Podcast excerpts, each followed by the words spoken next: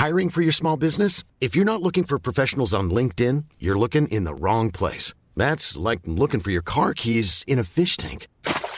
LinkedIn helps you hire professionals you can't find anywhere else, even those who aren't actively searching for a new job but might be open to the perfect role. In a given month, over 70% of LinkedIn users don't even visit other leading job sites. So start looking in the right place. With LinkedIn, you can hire professionals like a professional. Post your free job on linkedin.com slash people today.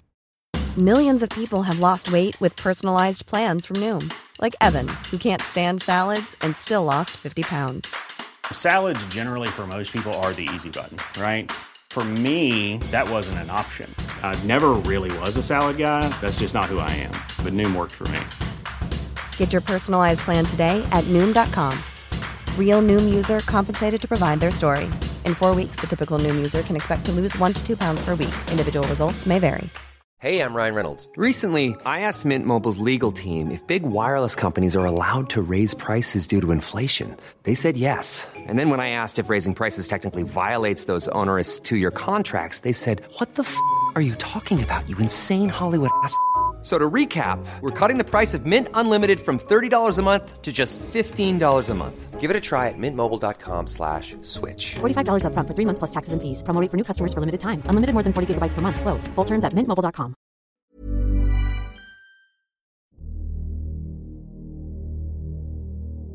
Hei, jeg heter Morten, og velkommen tilbake til Uløste mysterier og den tredje og siste delen i Jack the Ripper-serien. I de to foregående episodene har dere fått høre historiene om til de fem kanoniske ofrene, altså de fem ofrene som anses for sikkert å være seriemorderen sine ofre, samt to andre hvorav én kan ha vært et offer for Jack the Rippers galskap. I denne episoden skal jeg ta for meg forskjellige teorier om hvem det kunne vært som sto bak, og hvorfor. Over årenes løp har listen over mistenkte strukket seg til godt over 100 personer, men jeg skal fokusere på de mest kjente teoriene. Noen har dere kanskje hørt fra før, og noen kan være nye for de fleste av oss.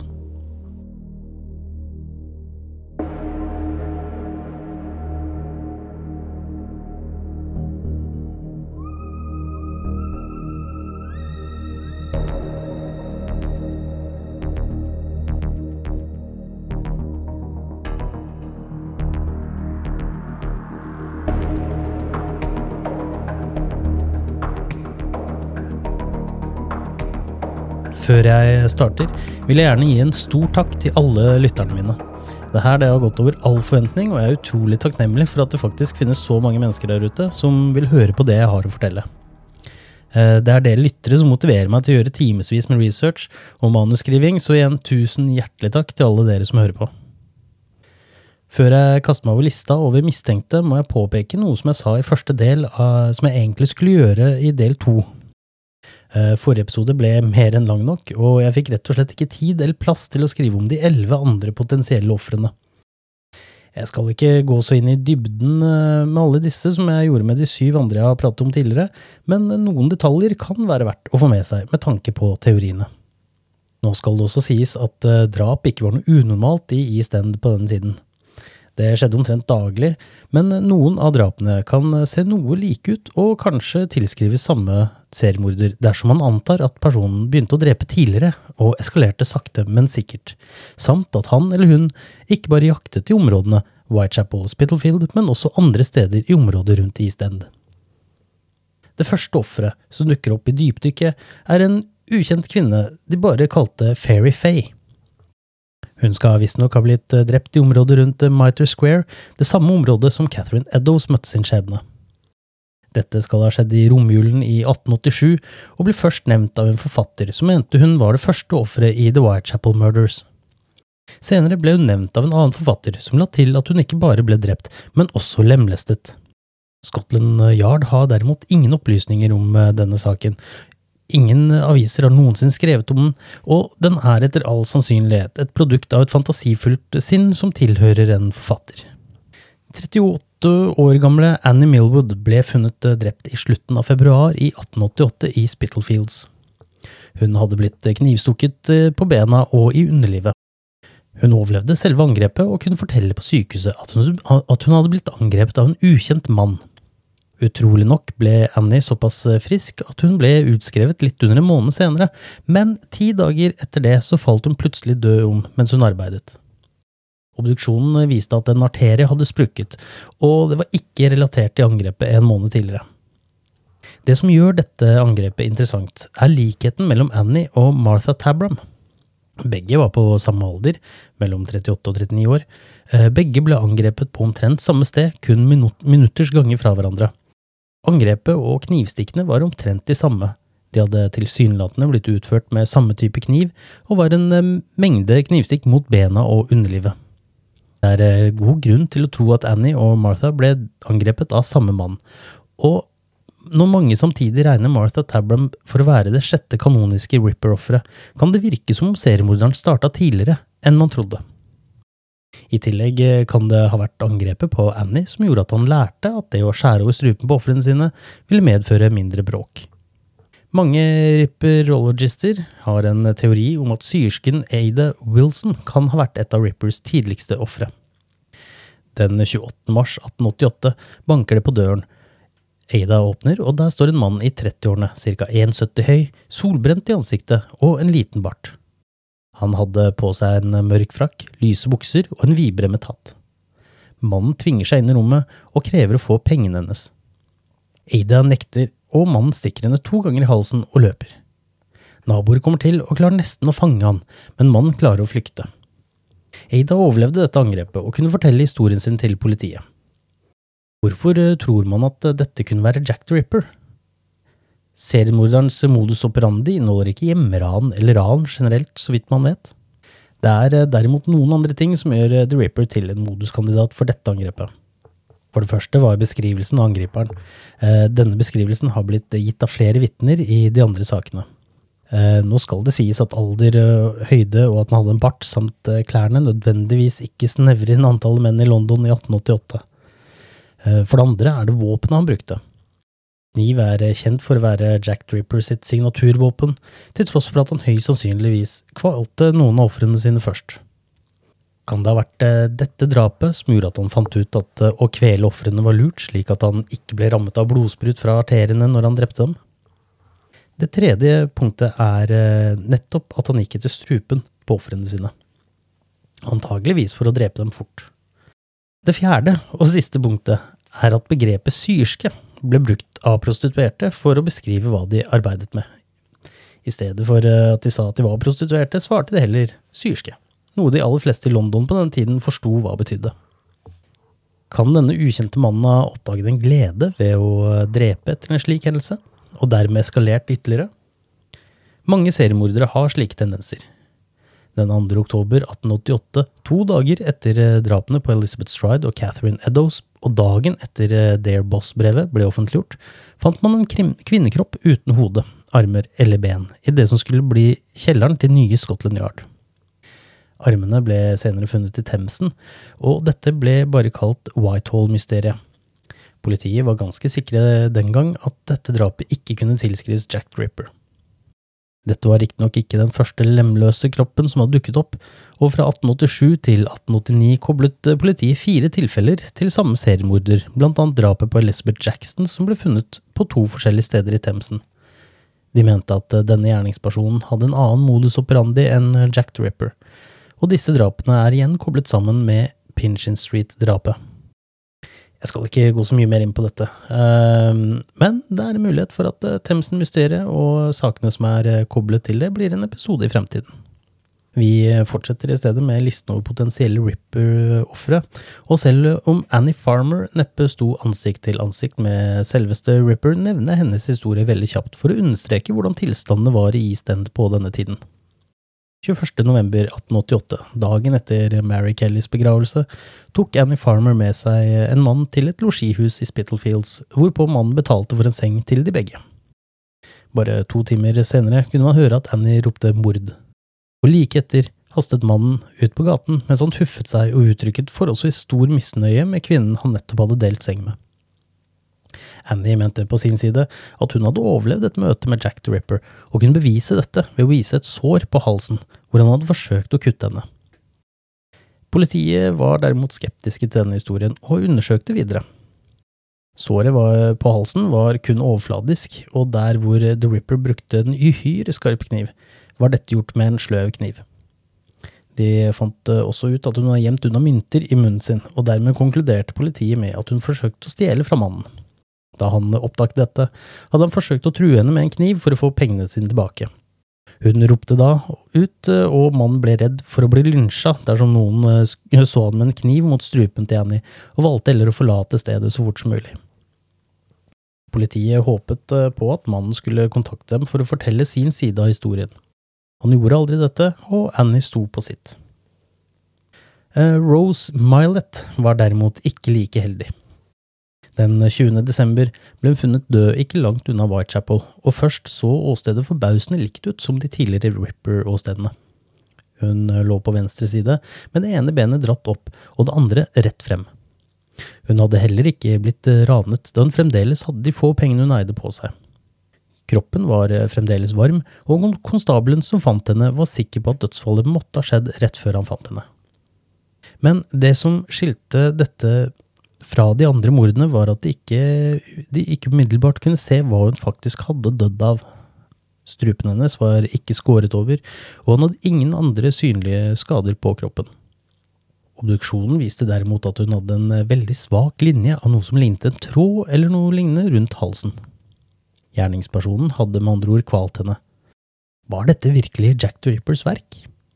Hadde han blitt forstyrret av politikonstabelen som oppdaget liket og forlot åstedet før han fikk tatt seg eh, tid til å bruke kniven sin?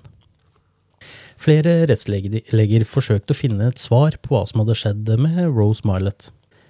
Noen mente at hun hadde sovnet på bakken i en stilling som gjorde at hun ble kvalt av den stramme kragen hun hadde på seg.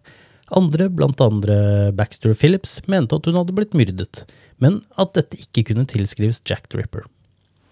Etterforskerne landet på at eh, det å forsøke å finne en potensiell gjerningsperson var bortkasta tid, og støttet seg til forklaringen om at hun døde av naturlige årsaker forårsaket av et uhell i fylla. 16.07.1889 begås det derimot et drap som ligner mer på det vi er vant med fra Jack the Ripper. Alice McKenzie blir funnet drept i Whitechapel. En politikonstabel finner kroppen hennes liggende på fortauet med to knivstikk i halsen, og tegn på at hun har blitt lemlestet i underlivet og mageregionen. Obduksjonen viste at hun hadde fått strupen skåret over mens hun lå på bakken. Måten kuttet hadde blitt gjennomført, ligna det man så i de andre Ripper-drapene. I tillegg hadde hun blitt stukket til både underlivet og mageregionen. Vår stakkars venn doktor Baxter Phillips var derimot ikke overbevist om at dette var et, et drap som kunne tilskrives gjerningspersonen bak Whitechapel-drapene, men hans kollega dr. Thomas Bond var uenig, og mente dette drapet definitivt tilhørte gjerningsmannen kjent som Jack the Ripper. I saksmappene til Scotland Yard eh, finner man riktignok en tilståelse for drapet av en mann ved navn William Wallace Brody. Brody hadde tidligere tilstått i forholdsvis stupfull tilstand at han var morderen som sto bak samtlige av Whitechapel-drapene. Dette gjorde at Scotland Yard undersøkte ham nøye og fant ut at han tidligere var dømt for tyveri, men enda viktigere, han hadde vært i Sør-Afrika i tiden hvor samtlige drap ble begått. Brody ble løslatt fra fengsel, men ble nesten umiddelbart arrestert igjen for svindel. Politikonstabel Ernest Thompson tråkker langs ruta si.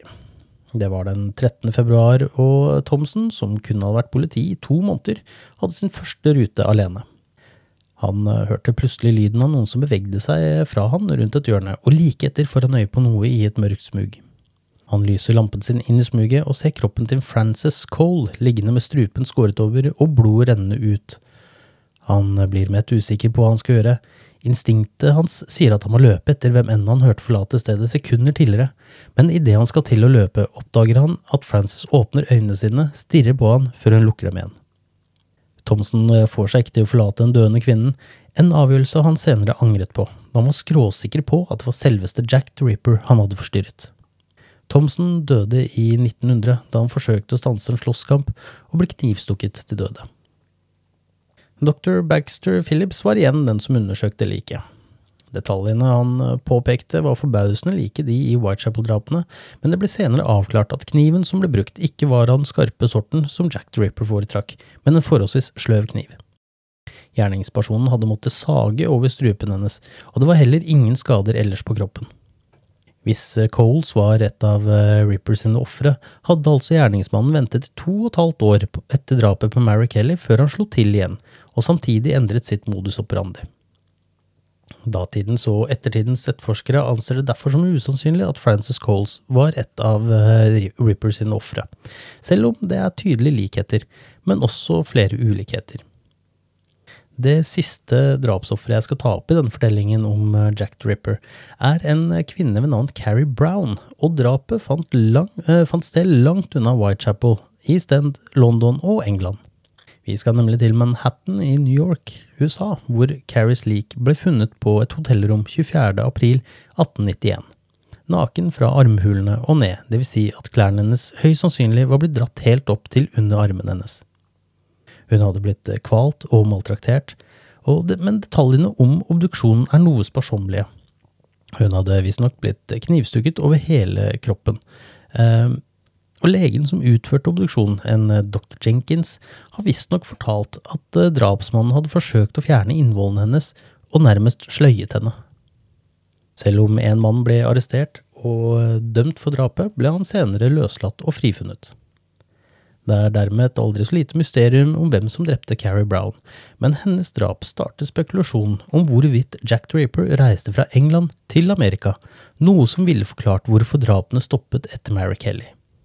Men så lenge vi ikke finner rapportene fra obduksjonen slik at skadene kan sammenlignes, vil det bli vanskelig å tilskrive dette drapet Jack the Ripper. Det eneste man har funnet, er to obduksjonsbilder av Carrie Brown, men disse forteller ikke så mye om skadene er like eller ikke.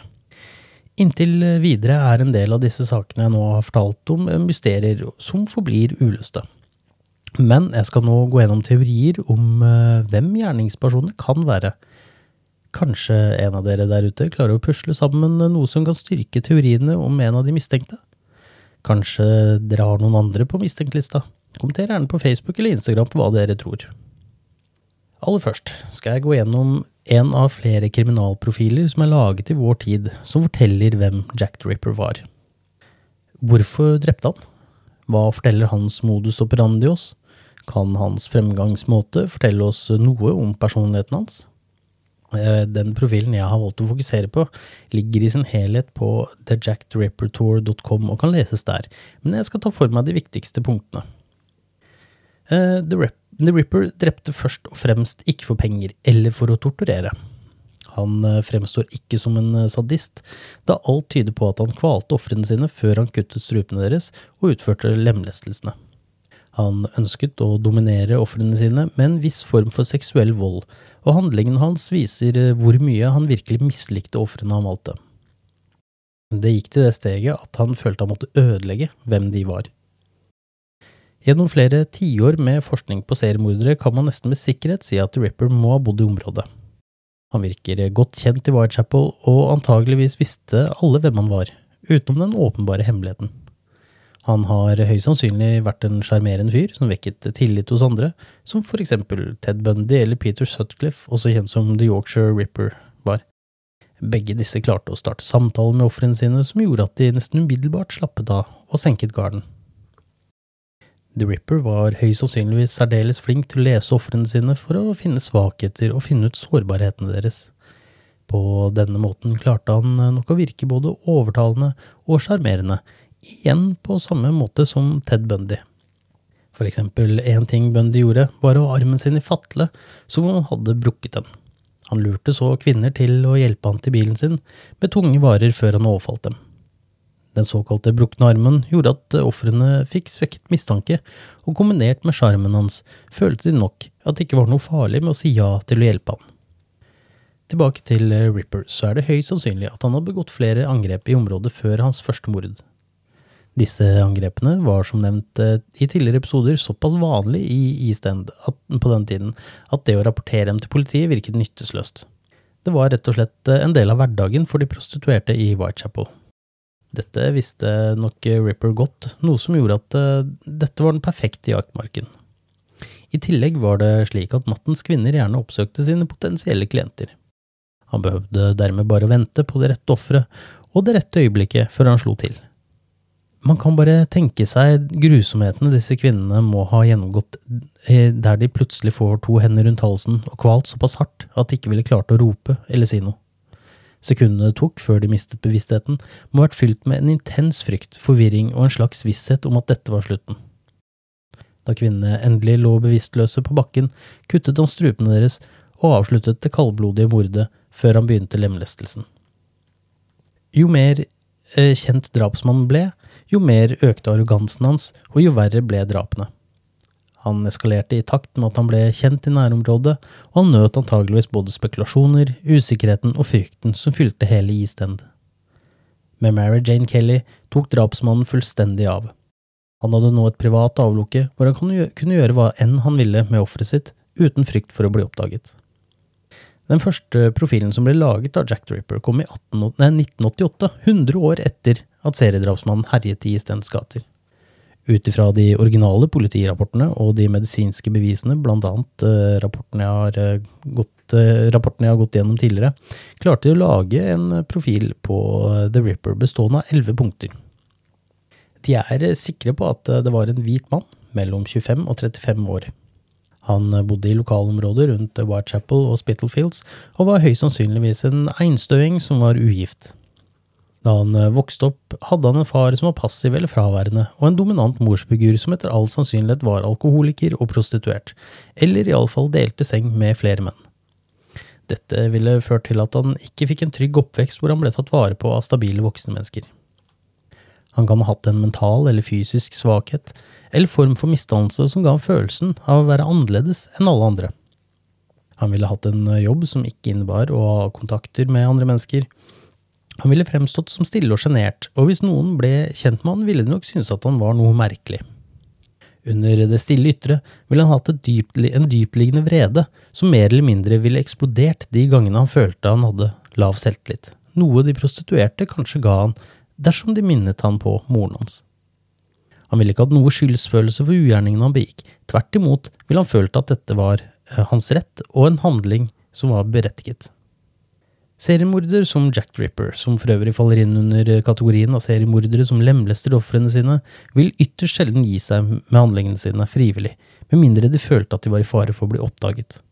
Han kan også ha stoppet fordi han ble arrestert av helt andre årsaker, eller fordi de som var nærmest da han fant ut at han var The Ripper, og fikk han innlagt på en av de mange mentalsykehusene hvor han tilbrakte resten av livet sitt.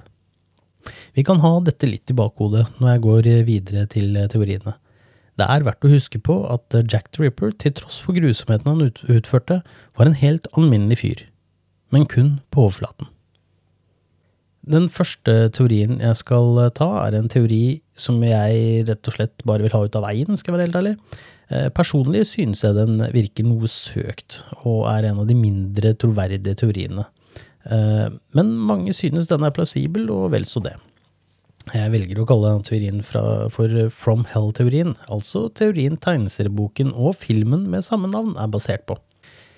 Teorien går kort fortalt ut på at prins Albert Victor, sønnesønnen til dronning Victoria, hadde vært på vift i East End og gjort en prostituert gravid og ønsket å gifte seg med henne. Eh, dette kunne selvsagt ikke monarkiet ha noe av, og dermed ble livlegen til dronningen, sir William Withygull, eh, sendt ut for å rydde opp i rotet til prinsegemalen. Gull eh, tok visstnok livet av vennene og vitnene til denne svært uønskede graviditeten, sett fra monarkiets side iallfall slik at skandalen ikke skulle komme ut i media. En stor del av konspirasjonen svimer rundt frimurerne og deres kontaktnettverk, men ingenting av dette er bevist på noen som helst måte. Hvis vi starter med en mistenke, sir Gull, så var han i 70-årene på dette tidspunktet. Han passer dermed ikke inn i vitnebeskrivelser overhodet.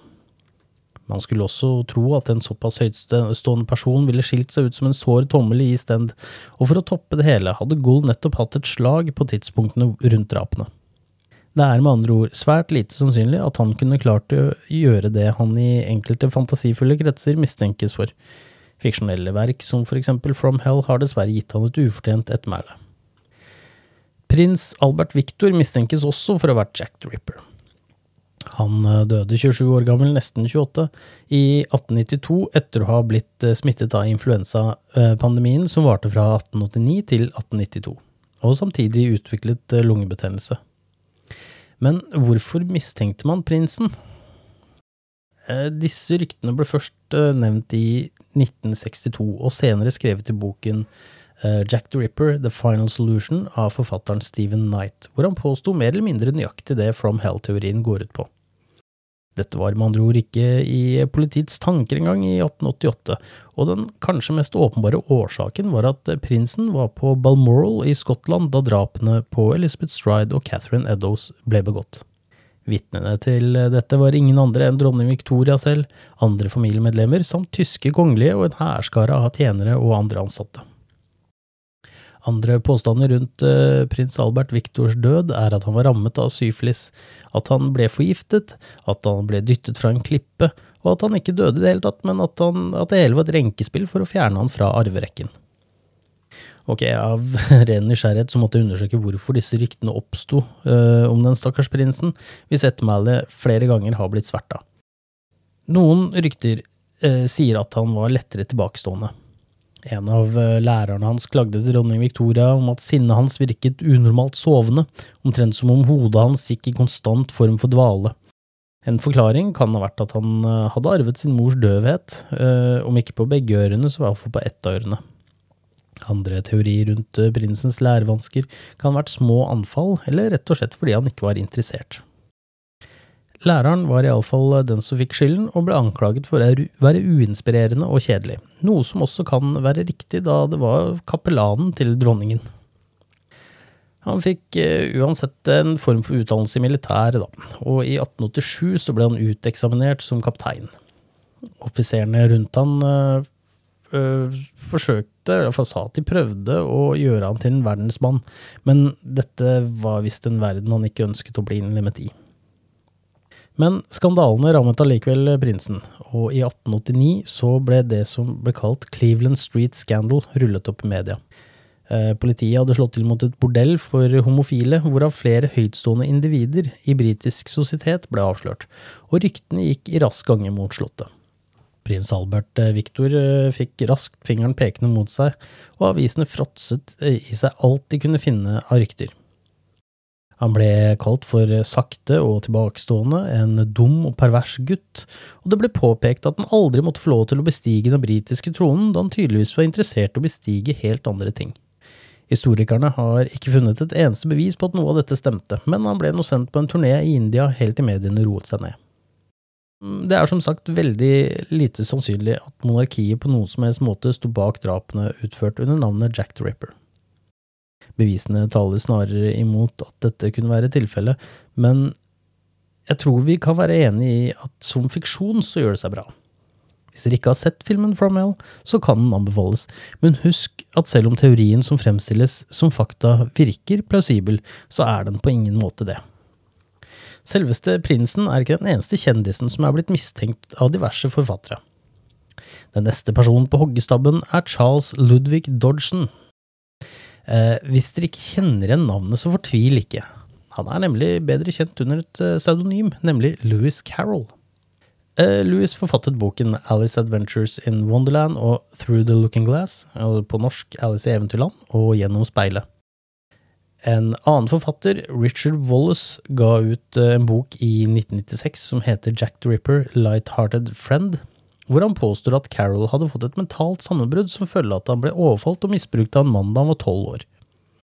Wallace mente også at Carol alltid skrev med lilla blekk, men da drapene ble utført, byttet han til sort blekk.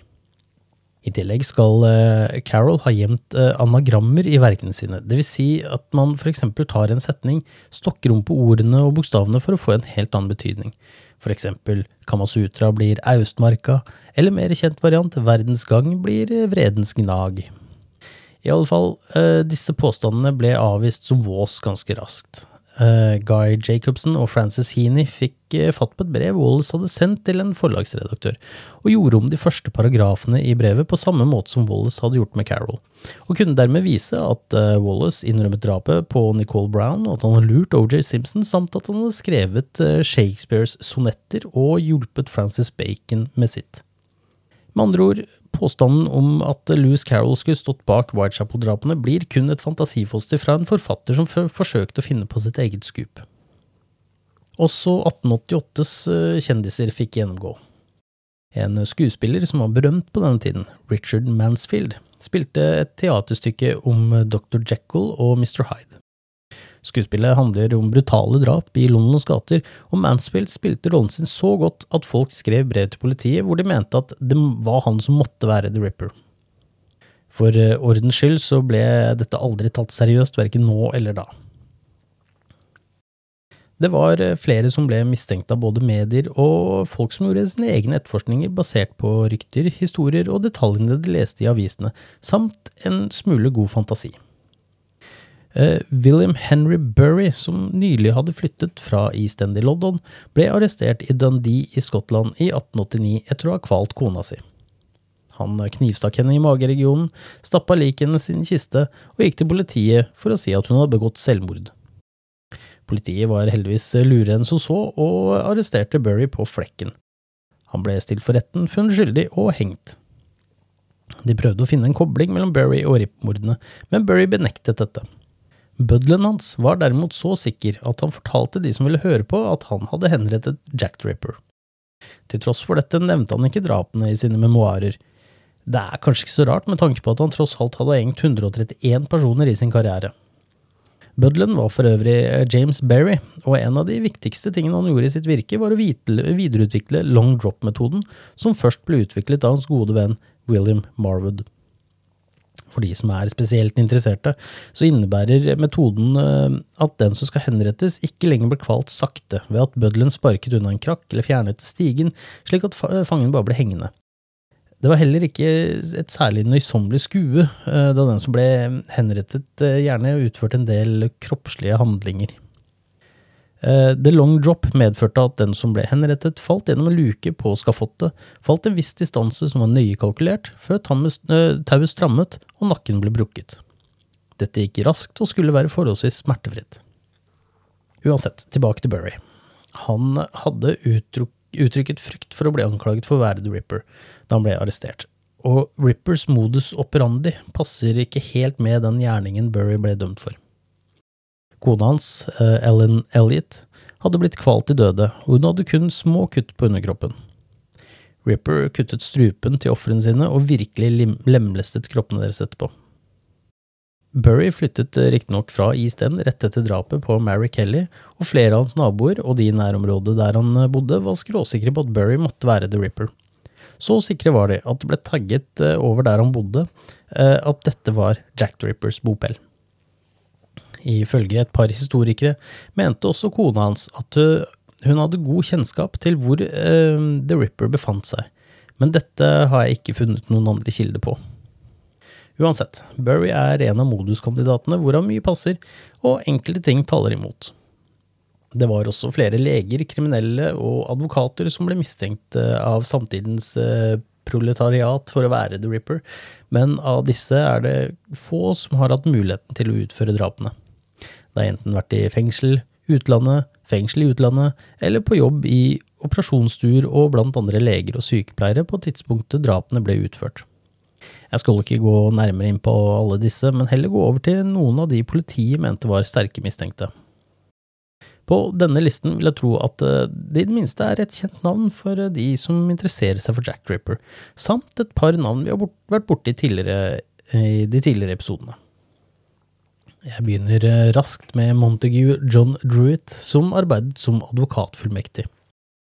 Liket hans ble funnet flytende i Themsen nyttårsaften 1888. Han hadde nylig fått sparken fra hans andre jobb som assisterende rektor på en skole i Blackheath, og det ble antatt at han fikk sparken fordi han var homofil. Men familiens mentale helsehistorikk kan tale for at han fikk sparken av en underliggende psykisk lidelse. Oppsigelsen ble iallfall eh, oppgitt som eh, årsaken til at han begikk selvmord ved å drukne seg selv. Eh, det var på grunn av tidspunktet for dødsfallet at han ble mistenkt i Whitechapel-mordene. Politioverbetjent sir Melville McNaughton hanga han som mistenkt noen år senere fordi Druitt hadde begått selvmord rett etter det siste av de kanoniske fem drapene. Noe McNaughton mente han måtte ha gjort på grunn av overveldende skyld. I tillegg var ikke lenger eh, Druitt en 31 år gammel advokatfullmektig, men en 41 år gammel lege, slik at det passet bedre inn i historien om at det skulle være Jack the Ripper. Inspektør Frederick Aberline mente derimot at Druitt ikke var uh, mistenkt, og at det eneste såkalte bevis mot han var at han begikk selvmord rett etter drapet på Mary Jane Kelly. Hvis vi følger profilen laget 100 år senere, kan man også peke på at Druitt ikke bodde i nærheten av Whitechapel, men flere mil unna på motsatt side av Themsen i Kent. I 1903 blir Severin Antonovic Klosowski, også kjent som George Chapman, hengt for å ha forgiftet tre av ektefellene sine. Han er uh, for øvrig ikke i slekt med Annie Chapman. Uh, George Chapman, jeg bruker alias, aliasas rett og slett fordi det er enklere å uttale, kom fra Polen og hadde tidligere arbeidet som assistent for en lege. Han hadde også tatt et kurs i praktisk kirurgi før han flyttet til London. Det antas at han emigrerte til London eh, sent i 1887 eller tidlig i 1888, og bosatte seg i Stend, hvor han ble assistent for en frisør eller barberer, og senere åpnet sin egen barbersalong. En viktig detalj angående dette er at frisører og barberer den gangen arbeidet ikke kun med hår. Eh, de utførte også enkle kirurgiske inngrep. Et uh, gammelt symbol på dette er den røde og hvite stolpen som barberer i dag også bruker for å vise at her kan hår, skjegg og bart klippes. Den, stolpe, den snurrende stolpen med hvite og røde striper var i utgangspunktet et tegn på hvite bandasjer og blod. Godeste George var med andre ord trent med kirurgiske inngrep. Han bodde i East End, og det har vist seg at han åpenbart ikke hadde noe kvaler med å drepe. Av fire elskerinner som George hadde, og som han kalte ektefellene sine, døde tre av forgiftning.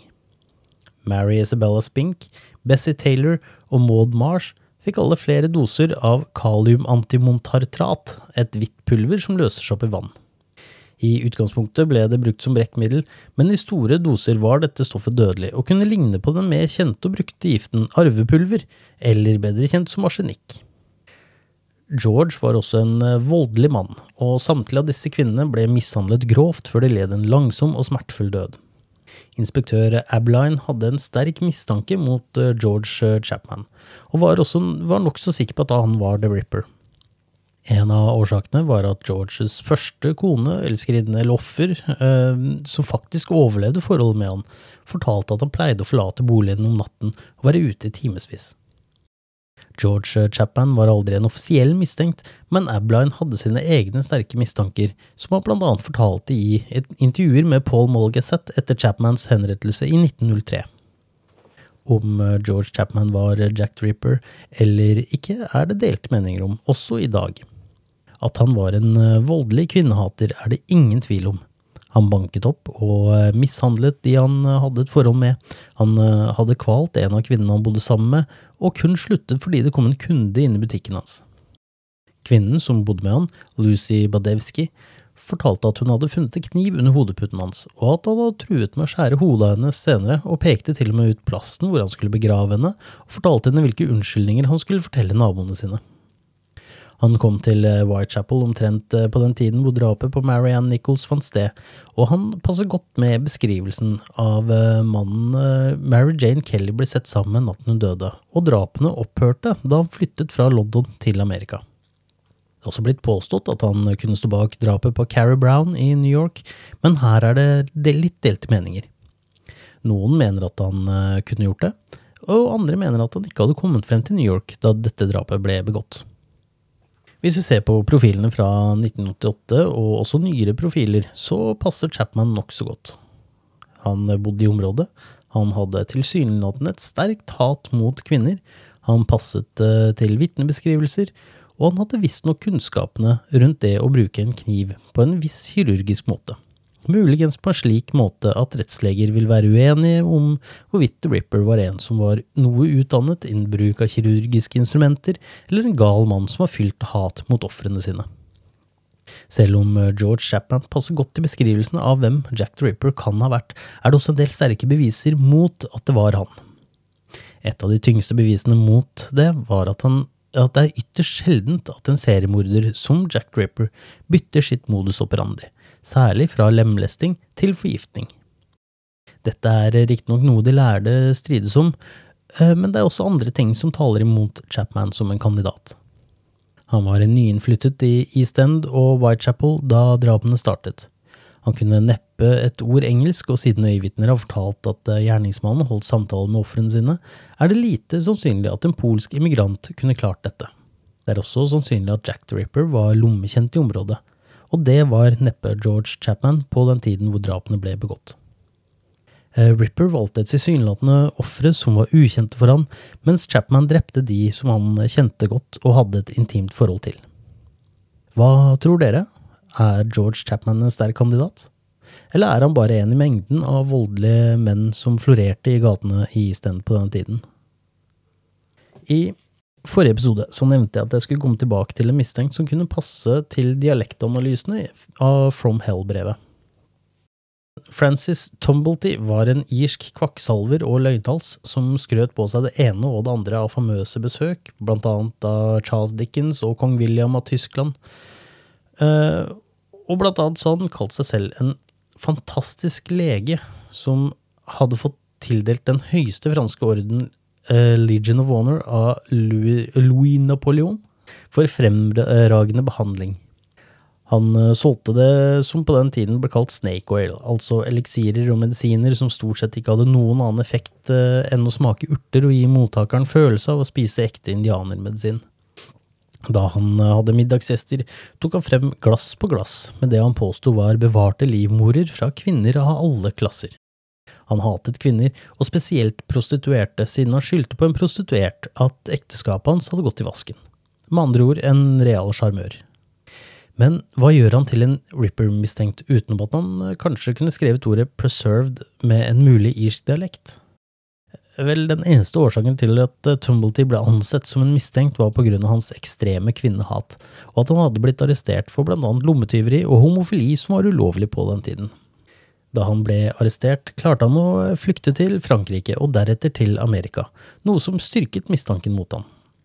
Ifølge han selv eh, flyktet han fordi han eh, fryktet å bli stemplet og dømt som Jack Dripper, Ripper, en karakter han selv påsto han absolutt ikke var.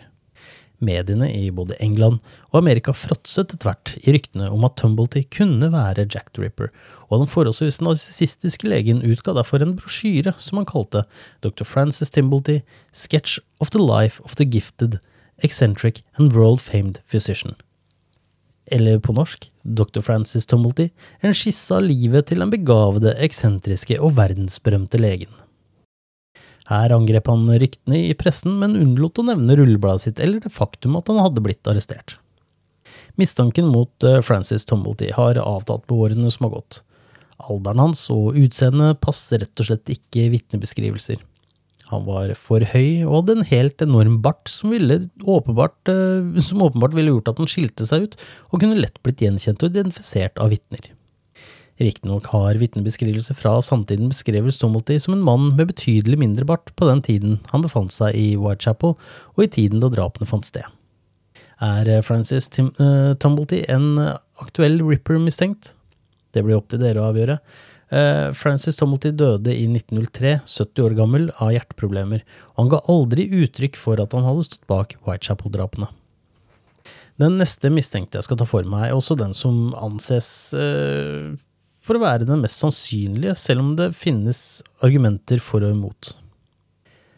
Aron Mordke Kosminski var en polsk jøde som ble innlagt på et sinnssykehus i 1891, etter å ha truet søsteren sin med en kniv. En eh, etterforsker fra eh, denne tiden nevnte også Aron Kosminski som en av de sterkeste mistenkte i Whitechapel-mordene. Men i tilfelle Kosminski er det viktig å holde tunga rett i munnen, for her er det flere navn som kommer til å krysse hverandre. Aller først skal jeg fortelle litt om Aron Kosminski.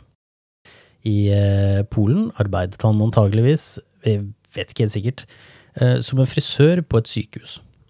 Han flyttet til London en gang i 1881 eller 1882 og begynte å arbeide som barberer i Whitechapel.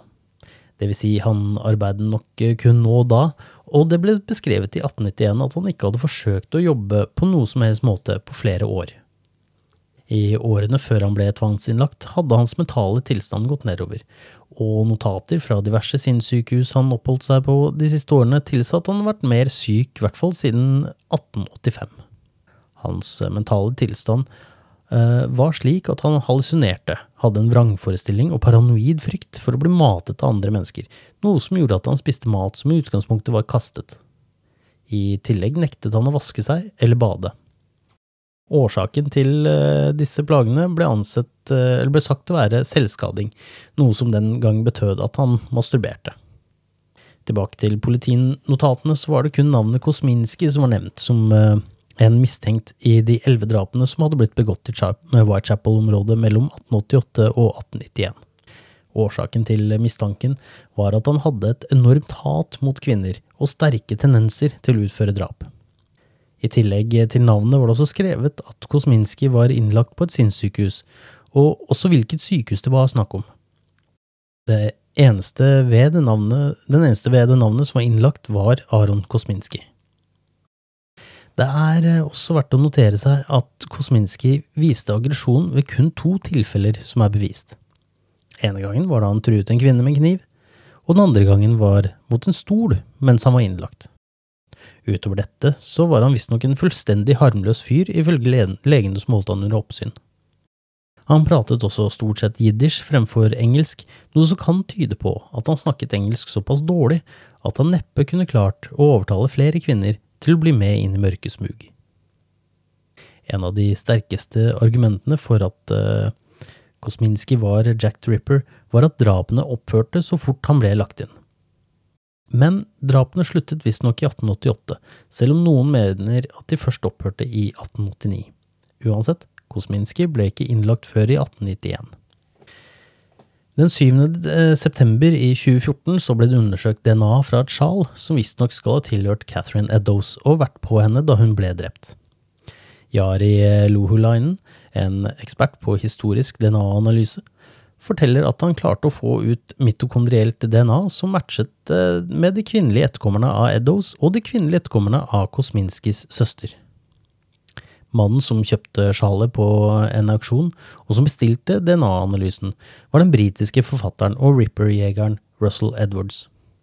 To dager etter at DNA-undersøkelsene hadde blitt annonsert, ga Edwards ut boken Naming Jack the Ripper, hvor han legger frem disse bevisene for at Aaron Kosminski var gjerningsperson. I utgangspunktet så virker jo saken oppe og avgjort. DNA er jo tross alt bunnsolid og kan ikke forfalskes. Men det skulle snart oppstå problemer med dette resultatet. For det første så hadde det ikke vært noen fagfellevurdering av resultatet med andre forskere eller etterforskere noe Lohelainen fikk kritikk for. Det ble også eh, stilt eh, spørsmål om hvordan sjalet hadde blitt oppbevart, og hvor det kom fra. Det ble blant annet oppdaget at flere av Eddows etterkommere hadde tilbrakt tre dager i samme rom som sjalet var oppbevart. Disse slektningene hadde håndtert sjalet, og dermed kan man anta at oversmitte hadde forekommet. Ifølge Lohulainen skal sekvensen til mtDNA-et til Eddows være av den sjeldne variasjonen, men ifølge professor Alec Jeffries, forskeren som oppfant DNA-typing i 18, eh, 1984, er det oppgitt feil sekvens. Og den faktiske sekvensen til Eddows er en som mer enn 99 av alle, alle med europeisk avstamning har. Han påpekte at mtDNA kun kan brukes for å utelukke mistenke i en krimsak, ikke implisere dem, da tusenvis av mennesker kan dele samme mtDNA-tråder. Unntaket er om det finnes sjeldne mutasjoner i det mitokondrielle DNA-et, slik vi nylig har sett i Birgitte Tengs-saken, hvor Jonny Vassbakk nylig ble dømt basert nett på nettopp mtDNA-bevis. For å toppe det hele i fjellet av bevis som går mot DNA-testen, kunne Donald Rumble, Rumbello, uh, tidligere politietterforsker i City of London og krimhistoriker, fastslå at det ikke er nevnt et eneste sted at et sjal ble funnet blant Eddows sine ting på åstedet. Nå skal det sies at Edwards sier han kjøpte sjalet av slektningene til politikonstabel Amos Simpson som var på åstedet, og som ifølge slektningene hadde tatt sjalet med seg hjem.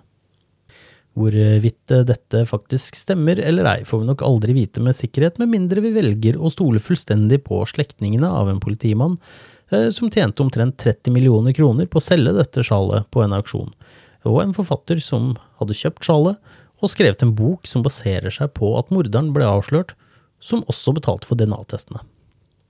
Men hvis vi ser bort fra DNA-saken rundt Kosminski, er det svimlende lite som tilsier at han skulle være Jack the Ripper. Men jeg nevnte i stad at rundt Kosminski så virvla det flere navn i lufta, og et av dem er David Cohen. David Cohen var en 23 år gammel polsk jøde som ble innlagt på Colney Hatch Lunatic Asylum den 7. desember 1888. Dette var det samme sykehuset Kosminski ble innlagt på i 1891. Forskjellen som gjør at Cohen blir interessant, er at han, i motsetning til Kosminski, ble innlagt rett etter drapet på Mary Jane Kelly, det siste kanoniske ripperdrapet. Cohen var voldelig og antisosial. Han viste destruktive tendenser og måtte bli lagt i både belter og tvangstrøyer. Han var en fattig skinnskredder som var bosatt i Whitechapel, og han passet til beskrivelsen som ble gitt til Leather Apron. Det som er interessant med Cohen, er at han ikke dukket opp før på slutten av 1888, da han ble innlagt. Det fins ingen historikk om han eller noe spor om at han eksisterte før dette tidspunktet. Akkurat uh, dette er ikke nødvendigvis så mystisk, uh, men man kan jo bli frista til å la fantasien løpe litt vilt, og tenke tidsreiser og andre konspirasjoner, men forklaringen er såre enkel. På denne tiden var det mange jøder som emigrerte til England, og mange av dem hadde kompliserte navn. I uh, de tilfellene hvor politiet eller andre styresmakter måtte identifisere personer med navn de ikke helt klarte å forstå eller skrive, ble blant annet Cohen brukt på jødiske immigranter på samme måte som John Doe blir brukt i USA i dag. Omtrent eh, samtidig som Cohen dukket opp i Whitechapel, var det en mann som forsvant, en mann som hadde et veldig likt navn som Kosminski. Nathan Kam Kaminski, en støvelmaker fra Whitechapel som hadde blitt behandlet en gang for syfilis, og som ble borte fra historien da Cohen dukket opp. Det var jo en skomaker, støvelmaker eller skinnskredder som var mistenkt for å være Leather Apron, og det var jo også Leather Apron som først var mistenkt for å være Jack the Ripper. Var Kaminski og Cohen samme mann? Hadde de ansatte på sykehuset skrevet han inn som Cohen fordi de ikke forsto hva han sa eh, da han sa navnet sitt Kaminski? Og var det egentlig Nathan Kaminski politiet hadde i søkelyset, men at de blandet navnet med Kaminski og Kosminski? Førstnevntes atferd passer betraktelig bedre til en mann uh, som politiet absolutt kunne hatt under oppsikt og, og mistanke med, uh, fremfor Kosminski, som beviselig var en harmløs mann med kun et par unntak. Kaminski hadde også som sagt syfilis. Han hadde fått én behandling for det, men sykdommen var visstnok på vei tilbake. Teorien er at uh, syfilisen begynte å påvirke hjernen hans og sinnet hans, og at han dermed tok en brutal hevn på de prostituerte som han antageligvis da ga skylden for at han hadde fått sykdommen. Cohen døde på sykehuset i oktober 1889, visstnok av tuberkulose og det de kalte manisk utmattelse. Kaminski kan selvsagt ha dødd som en av de mange hundre ukjente som døde i England hvert år sent på 1800-tallet, noe som kan forklare hvorfor man ikke har funnet noe nedtegnelse for hans død. Eller var Cohen og Kaminski en og samme person? Var Kaminski den de prostituerte fryktet og kjente som Leather Apron? Var dette Jack the Ripper? Den eh, nest siste jeg skal dra frem, eh, er en person som vi hørte om i første del. Denne kandidaten er en som ytterst sjeldent blir dratt frem som en mistenkt, og en som blir oversett i de fleste sammenhenger. Han hadde et eh, alminnelig yrke, han jobbet i Spittlefields og bodde i Whitechapel, og jobben hans krevde at han måtte gå på jobb midt på natten, og at han var godt kjent i området. I tillegg bodde han eh, slik at den korteste veien eh, fra hjemmet hans til jobben tok han gjennom områdene hvor Martha Tabram, Marianne Nichols og Annie Chapman ble funnet. Elizabeth Stride og Catherine Eddowes ble drept litt lenger sør, og natt til søndag, noe som tilsier at han ikke hadde behøvd å reise på jobb denne natten. Stride ble drept i et område hvor han vokste opp, noe som tilsier at han var lommekjent, og som kan forklare hvordan han kom seg, unna, kom seg, unna, til tross for at det kom politi til stede fra nært sagt alle kanter rett etter at Stride ble oppdaget. Mary Jane Kelly ble derimot drept nokså langt nord i forhold til ruten han tok til jobb, men ikke slik at han havnet utenfor en av rutene han fint kunne tatt. Det skal også nevnes at dagen hun ble drept, var en helligdag, noe som kan forklare hvorfor, hvordan han kunne ta seg særdeles god tid med henne. Så hvem er det jeg snakker om? Hvem er det som har gjemt seg i all åpenhet i samtlige Ripper-historier som uh, omtrent er laga? Hvem er den første mannen som blir nevnt når man forteller historien om Jack Draper og ofrene?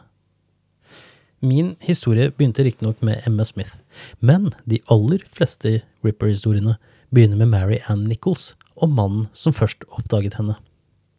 Hvis jeg sier Charles Allen Lackmere, så høres det sikkert litt kjent ut, men ikke helt. Et av navnene Charles Allen brukte som etternavn, var Cross. Charles Allen Cross var mannen som ropte på Robert Paul i Bucks Row natten den 31. august 1888 og ba han komme bort for å se på kroppen han sa han hadde kommet over. Hvorfor er eh, Cross, eller Lechmere, som egentlig var hans egentlige navn, en person som kan mistenkes for å være The Ripper, sånn utenom de indisiene jeg allerede har eh, nevnt, vel merke. Hvis vi eh, tenker litt over hva som skjedde den natten, etter at Lechmere hadde bedt eh, Robert Paul komme bort, så begynner man å se et lite mønster. Det var han som hadde foreslått å dekke over underkroppen til Nichols og dermed skjule stikkskadene, noe han og Paul hadde gjort. Det var tross alt mørkt, og han så sikkert ikke skadene, men tenkte mer på anstendigheten. Det var også Lechmere som først hadde sagt at hun måtte være død, til tross for at ansiktet hennes fremdeles var varmt, og at han ikke ønsket å flytte henne ut av veien eller eh, støtte henne opp til eh, en vegg. Hadde de gjort det, så hadde eh, Robert Paul høyst sannsynlig sett at det blødde ut av halsen hennes. Men dette er fremdeles bare indisier og lite bevis. Men for å fortsette indisierekka litt til, så kan vi jo spørre oss selv om en sak. Marianne Nichols sin kropp var ikke lemlestet slik de andre likene var med unntak av Stride, hvor eh, Ripper etter all sannsynlighet ble avbrutt i gjerningen. Man har eh, lenge trodd at uh, dette var fordi Jack Ripper fremdeles ikke hadde eskalert dit han tydeligvis var på vei, men hva om dette var fordi han ble avbrutt fordi han hørte noen nærme seg? Bucks Row var en gate uten noen smug å smette inn i. Det var bygninger tett i tett på begge sider av gaten, og ifølge Lechmere kom han fra én side av gaten, mens Paul kom fra den andre.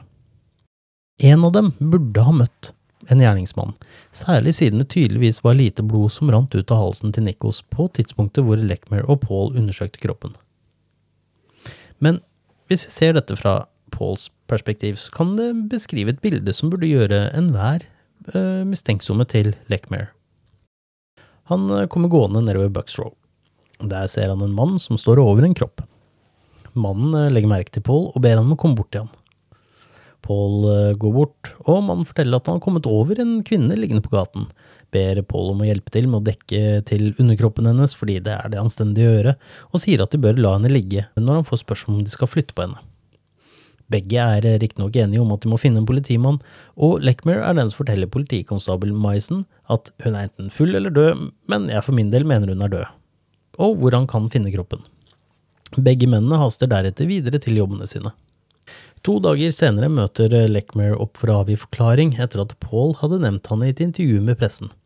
Men her så sier han at han heter Charles Allen Cross, og det skulle ta over 100 år før noen fant ut at Cross var Leckmer.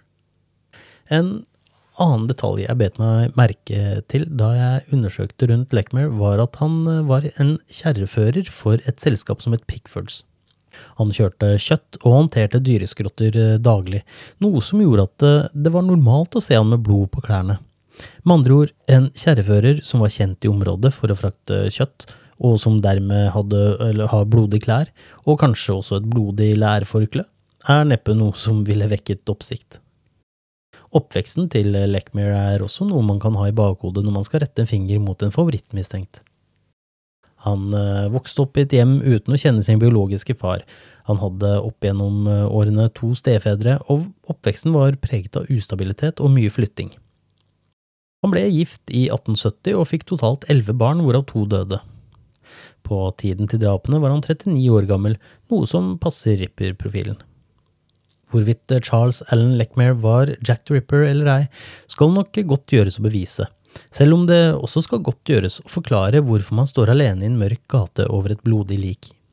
Og i tillegg så ga han et falskt navn i forhøret. Ruten han tok mellom bopel og arbeidsplass, tok han forbi tre av drapene, og de andre kan lett forklares og tillegges han. Han hadde en unnskyldning for å være ute midt på natten, og kunne forklare hvorfor klærne hans var blodige både på vei til jobb, på jobb og etter jobb. I tillegg passer beskrivelsen av han alderen og hvor han eh, bodde bemerkelsesverdig med profiler laget med moderne teknikker og metoder. Han var i riktig aldersgruppe og bodde i området og var lommekjent. Han var en rolig og noe sjenert fyr som holdt uh, seg mest for seg selv og hadde et helt alminnelig utseende. Og i tillegg så har han hatt en ustabil oppvekst. Det kan veldig godt hende at uh, han var en tilfeldig stakkar som tilfeldigvis kom over liket av Marianne Nichols uten at han hadde noe mer med saken å gjøre enn som så. Personlig syns jeg denne teorien er vel så god som de andre jeg har fortalt om, og som dere sikkert har skjønt nå, så er det mange teorier som har gode argumenter for, men like mange argumenter imot. I tillegg er det de som eh, man kan kalle for rent sprøyt. Jeg er veldig nysgjerrig på hva dere tenker om Charles Allen Leckmere, eller Cross om dere vil. Er han en uh, verdig mistenkt? Jeg lovte dere også en teori om at Jack the Ripper kunne være en kvinne, og denne har jeg spart, spart helt til slutt. Jill the Ripper var antatt å være en jordmor, og var te eh, en teoriinspektør Abline fremsatte til sin mentor dr. Thomas Dutton etter drapet på Mary Kelly. En av årsakene til at han eh, spurte om det kanskje hadde med en Jill the Ripper å gjøre fremfor en Jack the Ripper, var fordi et vitne Abline anså som troverdig, påsto hun hadde sett, hun hadde sett uh, Mary Kelly to ganger etter at hun hadde blitt drept. Teoriene gikk ut på at Mary Kelly var gravid, og at hun hadde hyret en jordmor for å utføre en abort på henne. Videre går teorien ut på at denne jordmoren hadde vært en som var sterkt imot aborter, og valgte å straffe Mary Kelly ved å drepe henne, for så å lemleste henne på det groveste. På rommet til Mary Kelly fant de bevis på at det var fyrt i peisen med klær, men hvorvidt dette var klærne til Mary Kelly eller noen andre, andres blodige klær, vet man ikke. Men Abline teoriserte videre om at denne gale jordmoren brant sine egne blodige klær før hun tok Mary Kelly sine og forlot åstedet. Dette ville også forklart hvorfor vitnet hadde sett det hun trodde var Mary Kelly to ganger etter at hun måtte ha vært drept. En mistenkt som kan passe til beskrivelsen, er 24 år gamle Mary Percy. 24. oktober i 1890 ble Phoebe Hogg funnet brutalt drept i en haug med søppel i Hampstead i London. Hodeskallen hennes var tilnærmet knust og hodet nesten kuttet av. En barnevogn ble funnet omtrent halvannen kilometer unna med blodige puter. I Finchley, nord i London, fant de Hoggs 18 måneder gamle baby kvalt. Det ble fort klart at Mary Percy hadde blitt sett sent på kvelden med barnevogn i Nord-London, og da politiet ransaket boligen hennes, fant de blodsprut på veggene, i taket, et blodig skjørt og et forkle, samt blodig hår på en ilddrake og en forsvarskniv. Da politiet konfronterte henne med dette, forklarte Mary det med at hun hadde hatt et museproblem, noe hun nærmest sang ut og gjentok flere ganger. Mary ble anklaget for drapet på Phoebe og barna hennes, og den 23. desember 1890 ble hun hengt. James Berry var den som sto for hengingen, og ifølge han innrøpet hun at straffen var rettferdig, men at en del av bevisene mot henne var falske. Selve henrettelsen ble beskrevet som stille og smertefri. Det er ikke så veldig mange beviser som tyder på at Mary Percy var Jack eller Jill the Ripper, og dette var kun en teori inspektør Abline delte med sin mentor. Men teorien om at eh, det er en gal jordmor som står bak, eh, passer inn i en rekke spørsmål man kan stille seg når det kommer til å plukke ut sterke mistenkte. Nummer én. Hva slags person kunne bevege seg rundt om natten uten at det ble vekket mistanke verken hjemme hos han eller hun, eller overfor andre mennesker som vedkommende kunne risikere å møte? Nummer to, hvem kunne gå gjennom gaten med blodflekker på klærne uten å vekke mistanke eller føre til at noen stilte det eneste spørsmål? Nummer tre, hvem kunne hatt kunnskapene, elementære eller grove, for å utføre disse brutale drapene og lemlestingene? Nummer fire, hvem kunne bli funnet med et lik og samtidig klare å gi en tilfredsstillende forklaring til hvorfor de var der? Og med disse spørsmålene hengende i luften, lar jeg dere lyttere få bestemme hvem dere mener er den som eh, dere tror er den med størst mistanke mot seg. Er det noen av de jeg har listet opp? Er det noen jeg har glemt? Eller er det noen jeg ikke har tatt med, som dere mener passer inn? Kommenter gjerne på Facebook-siden eller på Instagram om hvem dere tror eh, Jack the var. Søk opp Uløste mysterier, følg sidene, og gjør gjerne også det samme der du hører på podkast. Jeg setter også veldig stor eh, pris på tilbakemeldinger i form av stjerner og kommentarer, og har du forslag til en sak du gjerne vil høre, så send det gjerne til meg. Da takker jeg for denne gang, og hvis du har hengt med fra del én i det som ble et 60-siders manus, så håper jeg du ble fornøyd med konklusjonen av denne tredelte serien.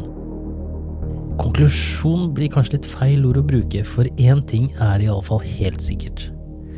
Jack the Rippers identitet er og blir et uløst mysterium. Vi høres.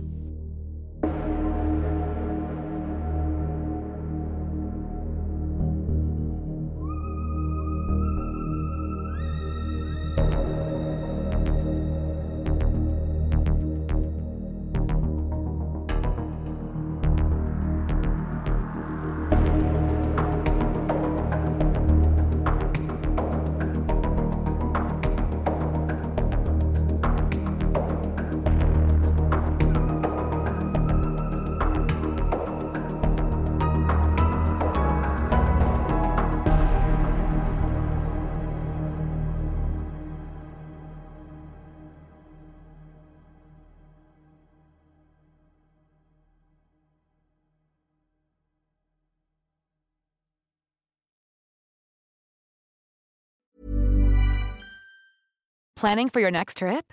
Elevate your travel style with Quince. Quince has all the jet setting essentials you'll want for your next getaway, like European linen, premium luggage options, buttery soft Italian leather bags, and so much more.